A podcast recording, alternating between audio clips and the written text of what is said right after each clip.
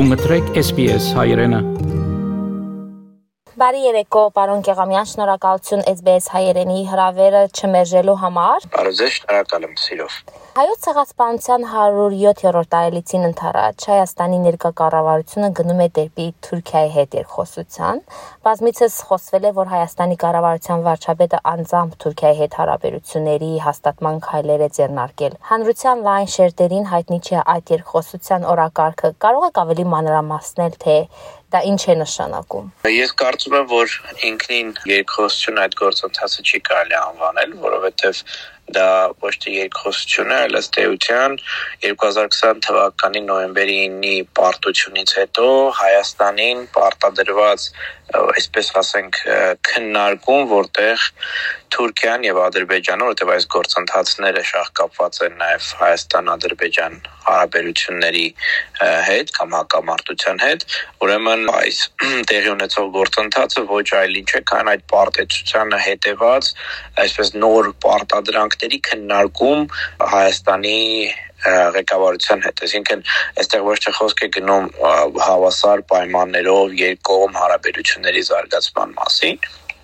այլ խոսքը գնում է Հայաստանի Հանրապետությանը նոր այսպես պայմաններ դնելու, նախապայմաններ դնելու եւ այդ պայմանները պարտադրելու օրակարգի մասին։ Հետևաբար գործընթացը խիստ ոչ թափանցիկ է՝ ի տարբերություն օրինակ 2008-10 թվականների այսպես կոչված ֆուտբոլային դիվանագիտության գործընթացի հետ մենք տեսնում ենք, որ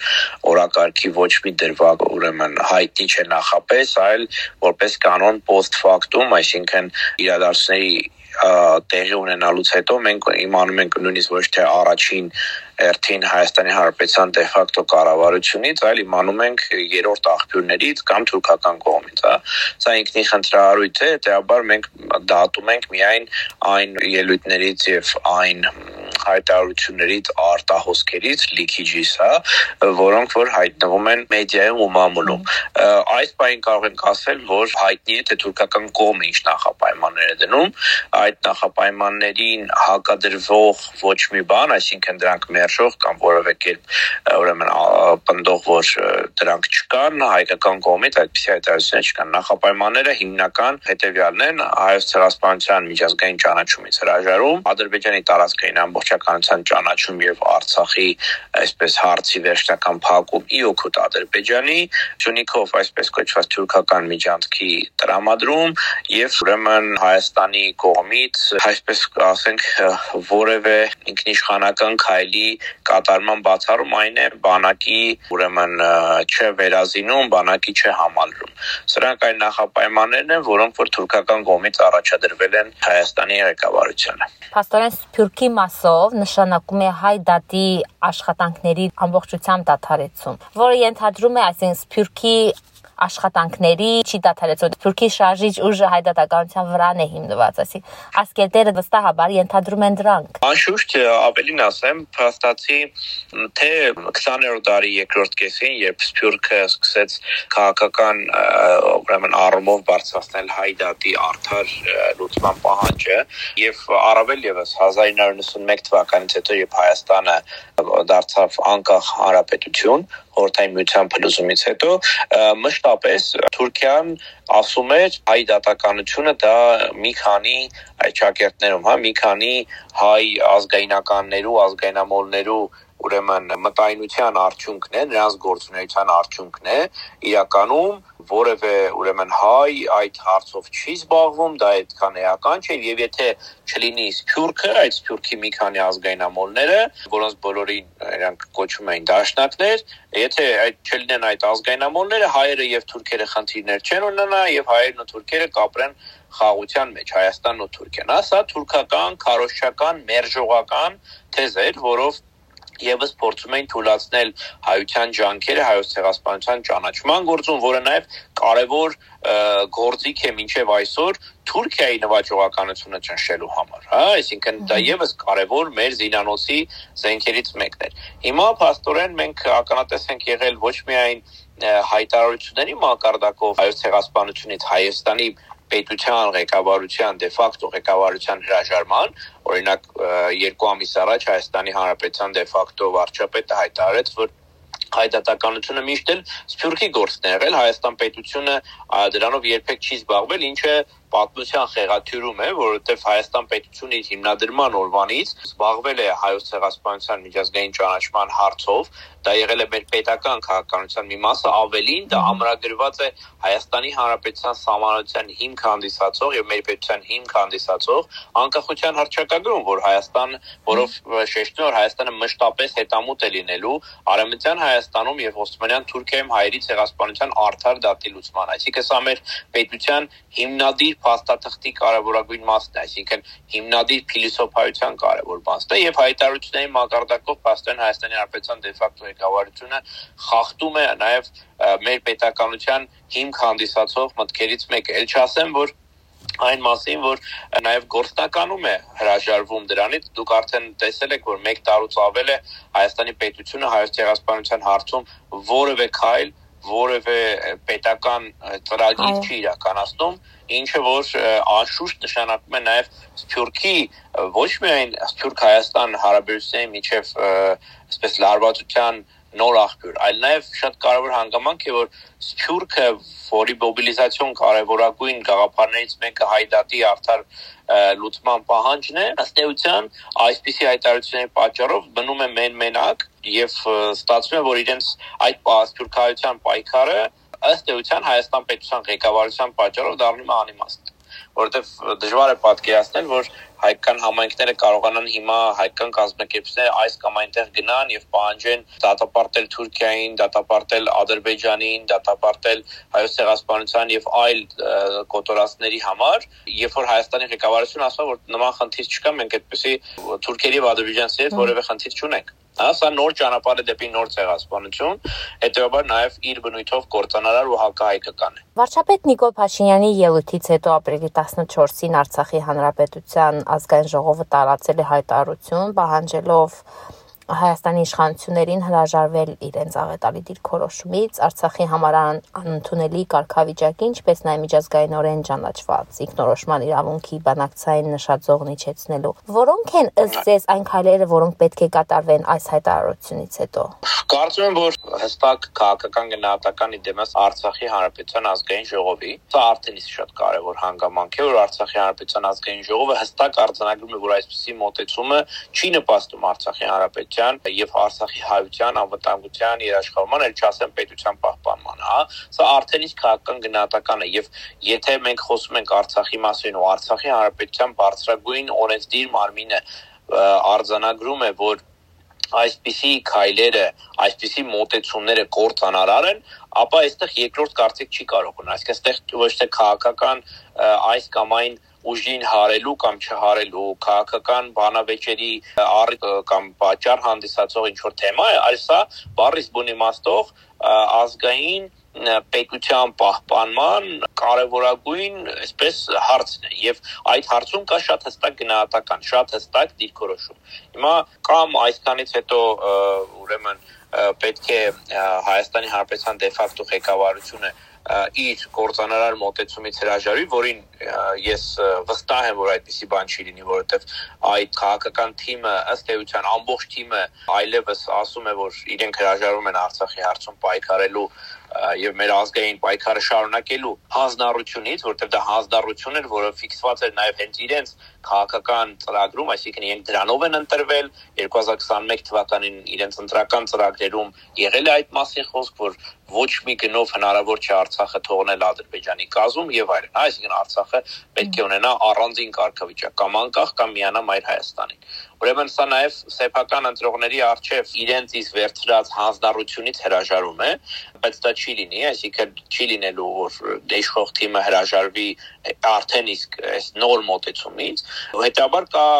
ազգային դիմադրության կարիք, այսինքն բոլոր հայկական քաղաքական, հասարակական, մշակութային կազմակերպությունները Հայաստանում եւ Սփյուռքում անհրաժեշտաբար պետք է հստակ դիրքորոշում արտահայտեն, 1 այսինքն գնահատական տան տեղի ունեցողին, հստակ գնահատական եւ երկրորդ, որ պակաս կարևոր չէ,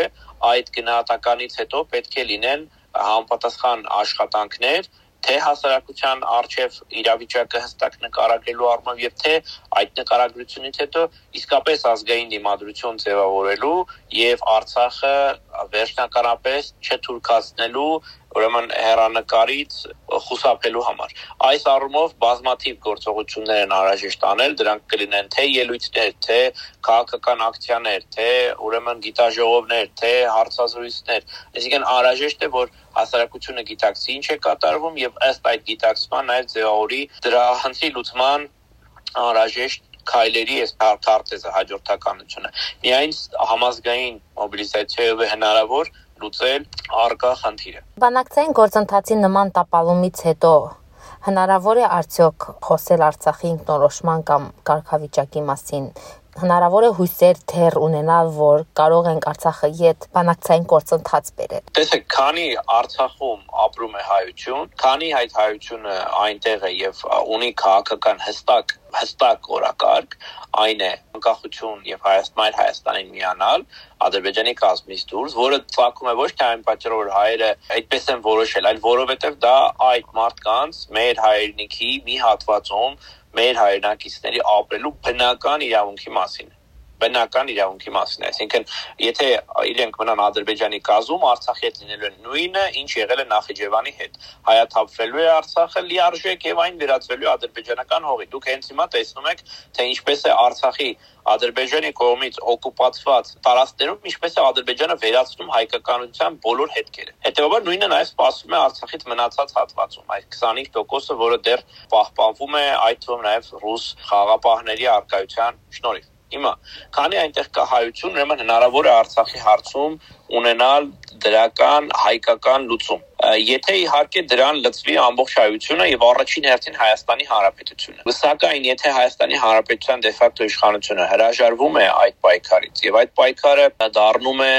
միայն հասարակական խմբերի, կազմակերպությունների կամ որոշ անհատների աշխատանք, ապա անշուշտ օրստորե մեր պայքարի հաջողության հասնելու հավանականությունը նվազում է, որովհետև թուլանում է դիմադրության հնարավորությունը, ռեսուրսները առանց էլ սակավ են եւ դրանց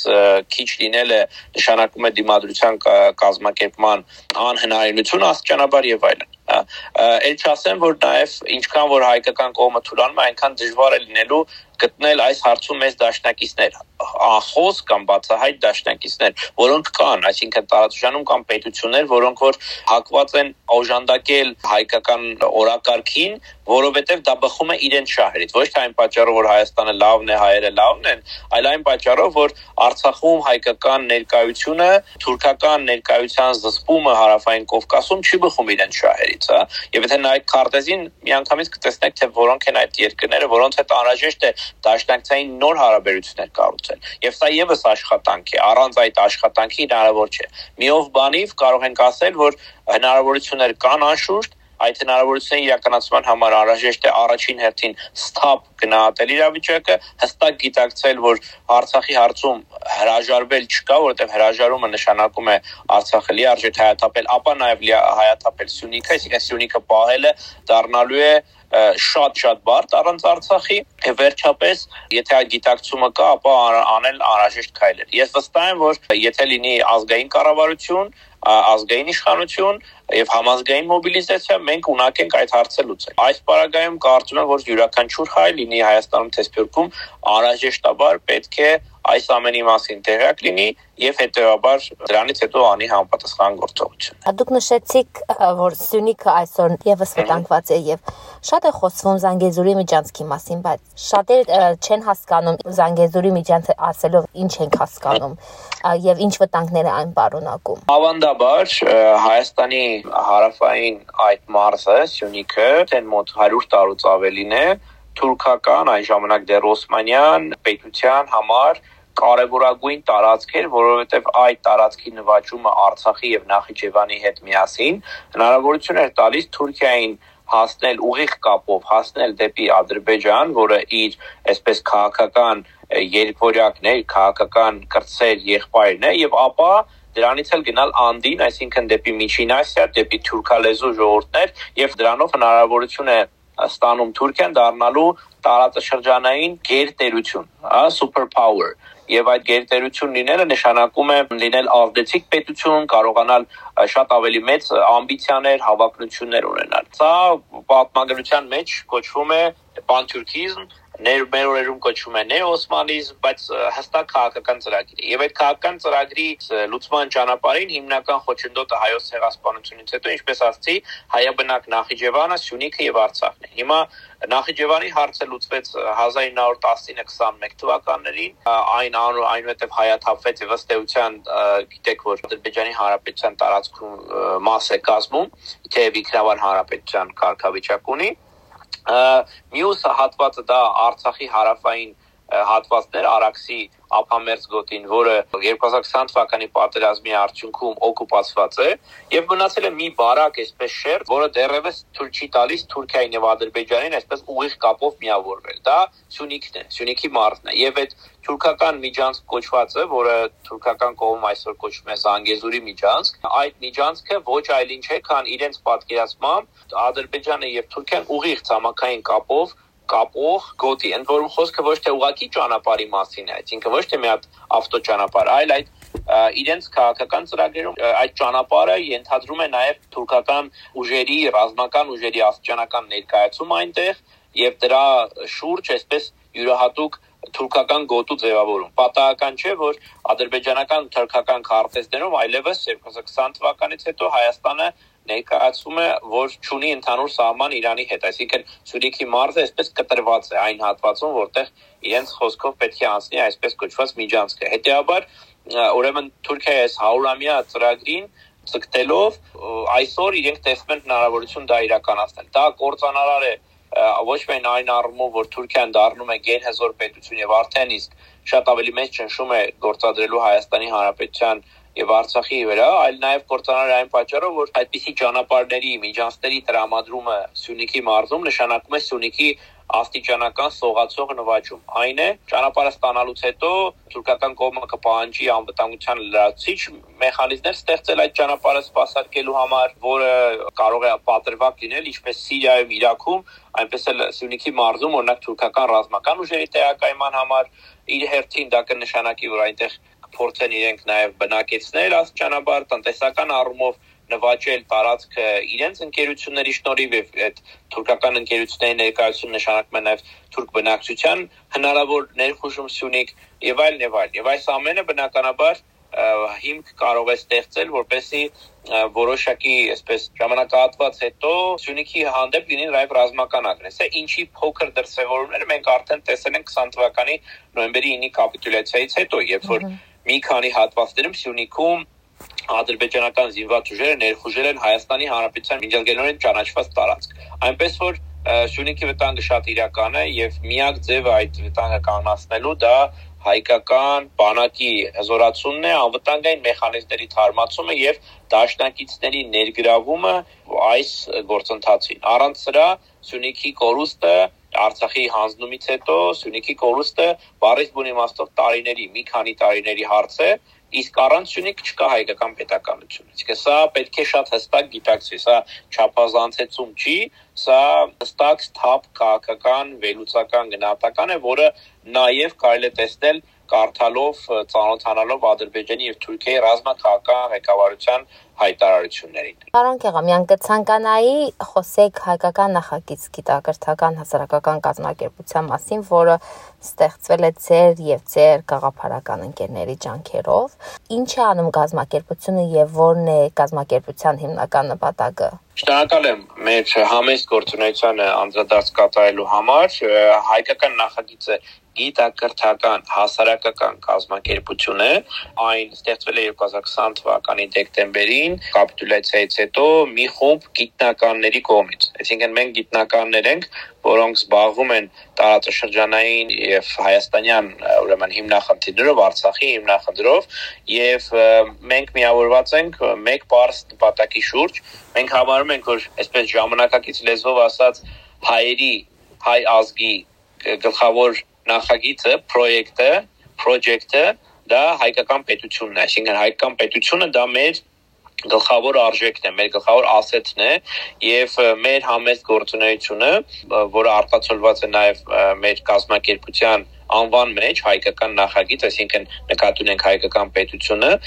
մեր գործունեությունը պետք է ուղղված լինի մեր ոլորտում, մեր գործիքակազմով, մեզ հասանելի մեթոդներով հայկական պետության հզորացմանը։ Մեզ հասանելի մեթոդը, որպես գիտնականներ, դա գիտակրթական գործունեությունն է։ Այն է գիտական վերլուծություններ Հայաստանի եւ հայության կարևորագույն խնդիրների վերաբերյալ եւ հստակ լուծումների առաջարկների ներկայացում եւ երկրորդը մեր գիտելիքի փոխանցում հանրության լայն շերտերին, լինեն դրանք ուսանողներ, լինեն դրանք քաղաքական ակտիվիստներ, լինեն դրանք բիզնեսմեններ, այլոք։ Հետեւաբար այս տրամաբանությամբ մենք իրականացնում ենք մի շարք ծրագրեր, դրանցից մեկը հայկական համասարանն է, որը ոչ formal, non-formal համասարան է, որտեղ մենք ներկայացնում ենք social եւ social science-ի եւ humanities-ի միջոցով ներկայացնում ենք գիտական մեթոդներով հայաստանյան խնդիրները եւ դրանց լուծման ճանապարհները եւ մեր ուսանողները ավելի քան արդեն 100 հոգի այդ գիտելիքներն օգտագործում են իրենց գործունեության ոլորտում, այսինքն ունենք մարդիկ իսկապես հատկապես որոնք երիտասարդ քաղաքական գործիչներ են, մարդիկ ովքեր բիզնեսմեններ են, մարդիկ ովքեր գիտնականներ են, ապագա փորձագետներ են, լրագրողներ են եւ այլն։ Երկրորդը դա մեր research-ն է, այսինքն մենք անում ենք հետազոտություններ, որոնք նվիրված են տարաբնույթ հարցերի, որոնք այսօր էական են հայության եւ Հայաստանի համար հրապարակում ենք զեկույցներ, report-ներ, գրքեր եւ այլն։ Հիմա օրինակ հրապարակելու ենք շուտով Թուրքիայում հայատյացության վերաբերյալ զեկույց, այսինքն ցույց տալու համար, որ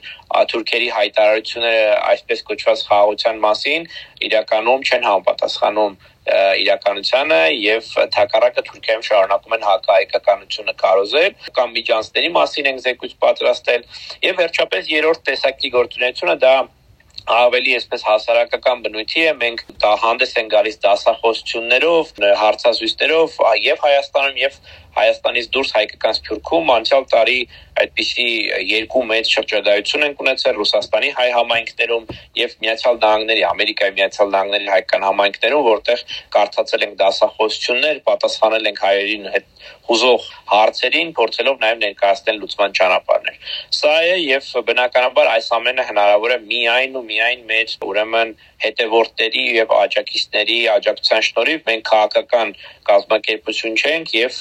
ամբողջը fundraise ենք անում որպես civil society organization, որը մեզ հնարավորություն է տալիս լինել չափազանց անկախ մեր բոլոր